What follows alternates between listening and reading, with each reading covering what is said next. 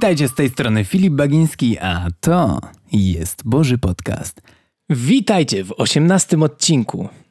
Lecimy do 13 rozdziału Ewangelii Mateusza, do 33 wersetu. Dzisiaj będzie, oj, będzie ciekawie. Lecimy! Następna przypowieść brzmiała tak. Królestwo niebios przypomina zakwas. Gospodyni dodała go do ciasta rozdrobnionego z trzech miar mąki i całe się zakwasiło. W ogóle y, trzy miary mąki to jest y, taka miara satonów, czyli 40 litrów. To dużo, mega. Co? Jak oni to robili? Chciałbym to zobaczyć, ty. 40... Hmm, dużo. 34 werset. O tym wszystkim Jezus mówił do ludzi, odwołując się do przykładów bez przypowieści, nic do nich nie mówił. W ten sposób spełniło się to, co zostało powiedziane przez proroka. Do przypowieści otworzę swe usta, opowiem o sprawach zakrytych od stworzenia świata. Następnie rozpuścił tłumy i udał się do domu. Tam uczniowie zwrócili się do niego z prośbą: Wyjaśnij nam, o co chodzi w przypowieści o konkolu. I Jezus odpowiedział: Osobą, która sieje dobre ziarno, jest syn człowieczy. Rolą jest świat. Dobrym nasieniem są synowie królestwa, konkolem są synowie złego. Nieprzyjacielem, który rozsiał konkol, jest diabeł. Żniwem jest kres tego wieku, a żeńcami aniołowie. U kresu tego wieku będzie tak jak z konkolem, który zbiera się i pali. Syn człowieczy pośle swoich aniołów, a ci zbiorą z jego królestwa wszystkich, którzy wywołali skandale i dopuszczali się bezprawia. Potem wrzucą ich do, do ognistego pieca. Tam będzie płacz i zgrzytanie zębami. Wtedy sprawiedliwi wzejdą jak słońce w królestwie swego Ojca. Kto ma uszy, niech rozważy moje słowa. Jeju, jak pięknie jest tutaj wszystko wytłumaczone tak naprawdę. Nic nie musimy się domyślać, bo Bóg na szczęście tłumaczy to uczniom. 44 werset. Królestwo, nie, Królestwo niebios przypomina skarb ukryty w roli. Człowiek, który go znalazł, ukrył go. Odszedł, ucieszony, sprzedał wszystko, co posiadał i nabył tę rolę. Królestwo niebios przypomina również kupca poszukującego pięknych pereł. Gdy znalazł tę jedną, niezwykle cenną, odszedł, sprzedał wszystko, co miał i nabył ją. Dalej Królestwo Niebios przypomina sieć. Zarzuca się ją w morze i zagarnia wszystko. Kiedy jest już pełna, wyciąga się ją na brzeg. Siada dobrą. Kiedy jest już pełna, wyciąga się ją na brzeg. Siada. Dobrą rybę zostawia, a to, co nieprzydatne, wyrzuca na zewnątrz. Tak będzie przy końcu tego wieku. Wyjdą aniołowie i oddzielą złych od sprawiedliwych. Złych wrzucą do ognistego pieca. Tam będzie płacz i zgrzytanie zębami. No, tak Jezus określał piekło. W sensie my to chyba, my ten cały obraz spłyciliśmy do tego słowa jak piekło, bo chyba nie było czegoś takiego jak piekło w Biblii, tylko zwykle to był albo Hades, albo, albo inne piętra piekła, ale nie wiem, czy słowo piekło w ogóle w hebrajskim istniało. To było chyba raczej taki obrazowy obrazowe słowo. Tak mi się wydaje. I dalej, o, dobre pytanie. Dobre pytanie od Jezusa w 51. Czy zrozumieliście to wszystko? Odpowiedzieli tak. Wówczas Jezus powiedział: Dlatego każdy znawca prawa, który stał się uczniem Królestwa Niebios, przypomina gospodarza, który wyciąga ze swojego skarbca to, co nowe i stare. Potem, gdy skończył tę przypowieść, oddalił się stamtąd. Następnie Jezus przybył w swoje ojczyste strony. Tam zaczął nauczać w miejscowej synagodze tak, że ludzie byli zdumieni. Zastanawiali się, skąd u niego ta mądrość? Skąd te dowody mocy? Czy nie jest to syn tego cieśli? Czy jego matką nie jest Maria, a jego braćmi Jakub, Józef, Szymon i Juda? Czy jego siostry nie mieszkają wśród nas?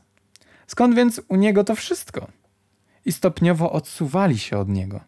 Wtedy Jezus powiedział: Prorok cieszy się uznaniem, lecz nie w ojczystych stronach i nie we własnym domu. I nie dokonał tam zbyt wielu cudów. Powodem była ich niewiara.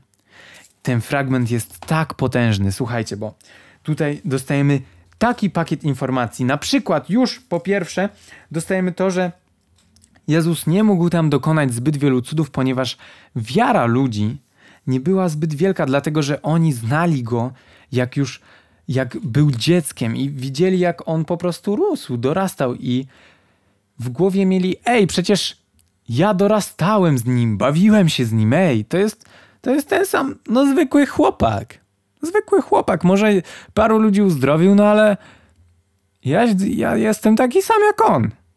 I patrzcie, nie było, nie było tam wiary i Jezus, ja myślę, że on chciał uzdrawiać ludzi. To nie było tak, że on nie chciał. Tylko powodem, dla którego nie zawsze uzdrowienie przychodziło, była niewiara ludzi.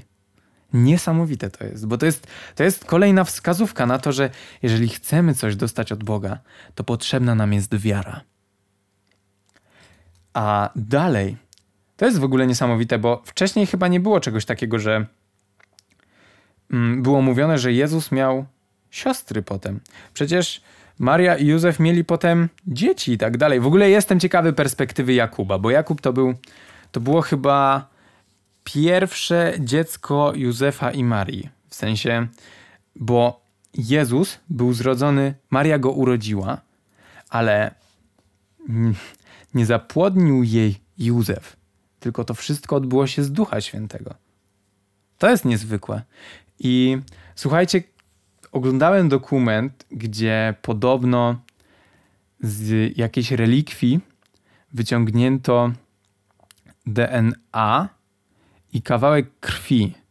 I musiałbym to znaleźć, bo mm, ten temat nie za bardzo chciał być przebadany przez naukowców innych niż chrześcijańscy naukowcy. Dlatego ten temat ucichł i nie stał się tak wielkim tematem.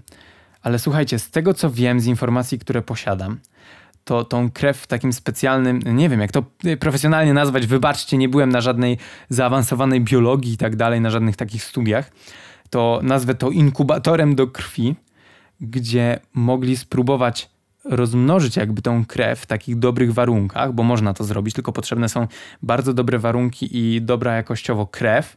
Ta nie była dobra jakościowo, ale udało się jakby ją rozmnożyć i zbadać jej właściwości. I wiecie co? Jeżeli to wszystko jest prawdą, to w tej krwi była różnica chromosomów. Nie było chromosomu, który jest y, jakby przekazywany z mężczyzny. To było niezwykłe. I ta krew miała też niezwykłe właściwości, bo to była żywa krew. Ona potem sama zaczęła się rozmnażać. Nie, nie można z zaschniętej jakby krwi i takiej starej uzyskać krwi prawdziwej. Jak e, zobaczycie sobie nawet swoją krew, co nie? Ona wam szybko zastyga i tak dalej. Znaczy zastyga. Ojeny, jak?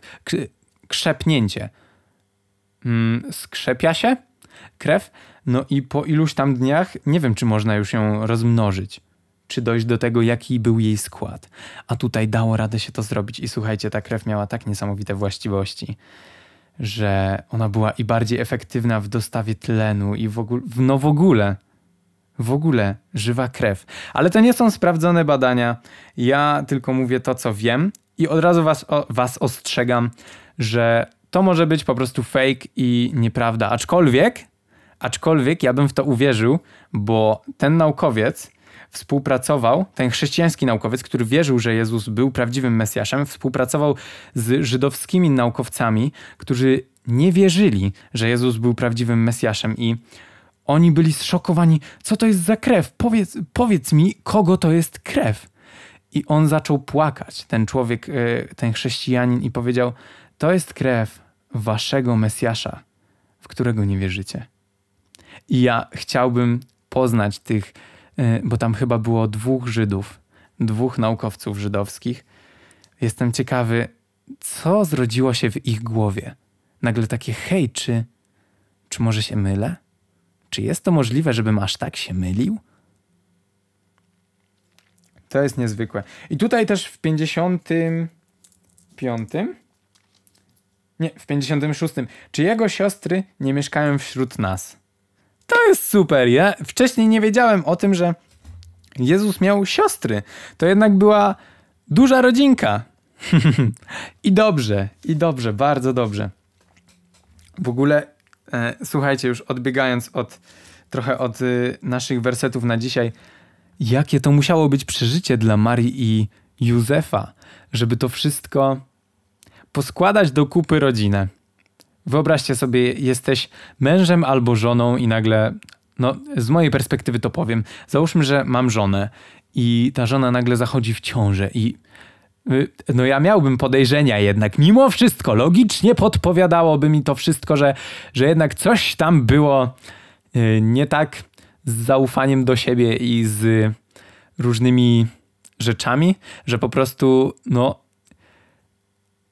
chyba trudno by mi było od razu zaufać, że to nie jest dziecko zrobione przez. Ale trudno ominąć ten temat cały. Przez cielesną stronę, przez złączenie kobiety z mężczyzną. jest, ominąłem, punkt dla mnie. I bardzo trudno by mi było w to uwierzyć, i myślę, że dlatego Józef dostawał różne znaki od aniołów, żeby w końcu mógł powiedzieć sam do siebie: Ej, no, nie mam innego wytłumaczenia jak to, że, że to się dzieje naprawdę i że to jest prawdą. Jeju, te emocje, które oni musieli czuć. Masakra, ale jaką musieli mieć wiarę w Boga i zaufanie, że to wszystko się uda. I potem zobaczcie, stworzyli szczęśliwą rodzinę, która była duża, bo są tylko wymienieni y, jego bracia, czyli w 55 jest wymieniony Jakub, Józef, Szymon, Juda, a jeszcze były siostry, więc zakładam, że minimum dwie, bo jest w liczbie mnogiej, pewnie więcej. A w ogóle zwykle się chyba kiedyś nie nie podawało kobiet w rodowodach, tylko właśnie mężczyzn. To pewnie wynikało z jakiejś kultury i tyle. E, więc sześć dzieci plus Józef i Maria, osiem ludzi w jednym domu plus Jezus, jak jeszcze żył wtedy. To było ciekawe, to było ciekawe. Ciekawe, jak w ogóle wszyscy zareagowali po jego zmartwychwstaniu. Ciekawe, czy zrobili sobie imprezkę w domku. Ciekawy jestem. Dobra, słuchajcie, to wszystko w tym odcinku. Mam nadzieję, że się podobało. Jeśli tak, nie zapomnijcie kliknąć na YouTubie przycisku subskrybuj, a na Spotify'u przycisku obserwuj, by Was kolejne odcinki nie ominęły. Trzymajcie się i niech wspaniały Bóg Wam błogosławi. Amen.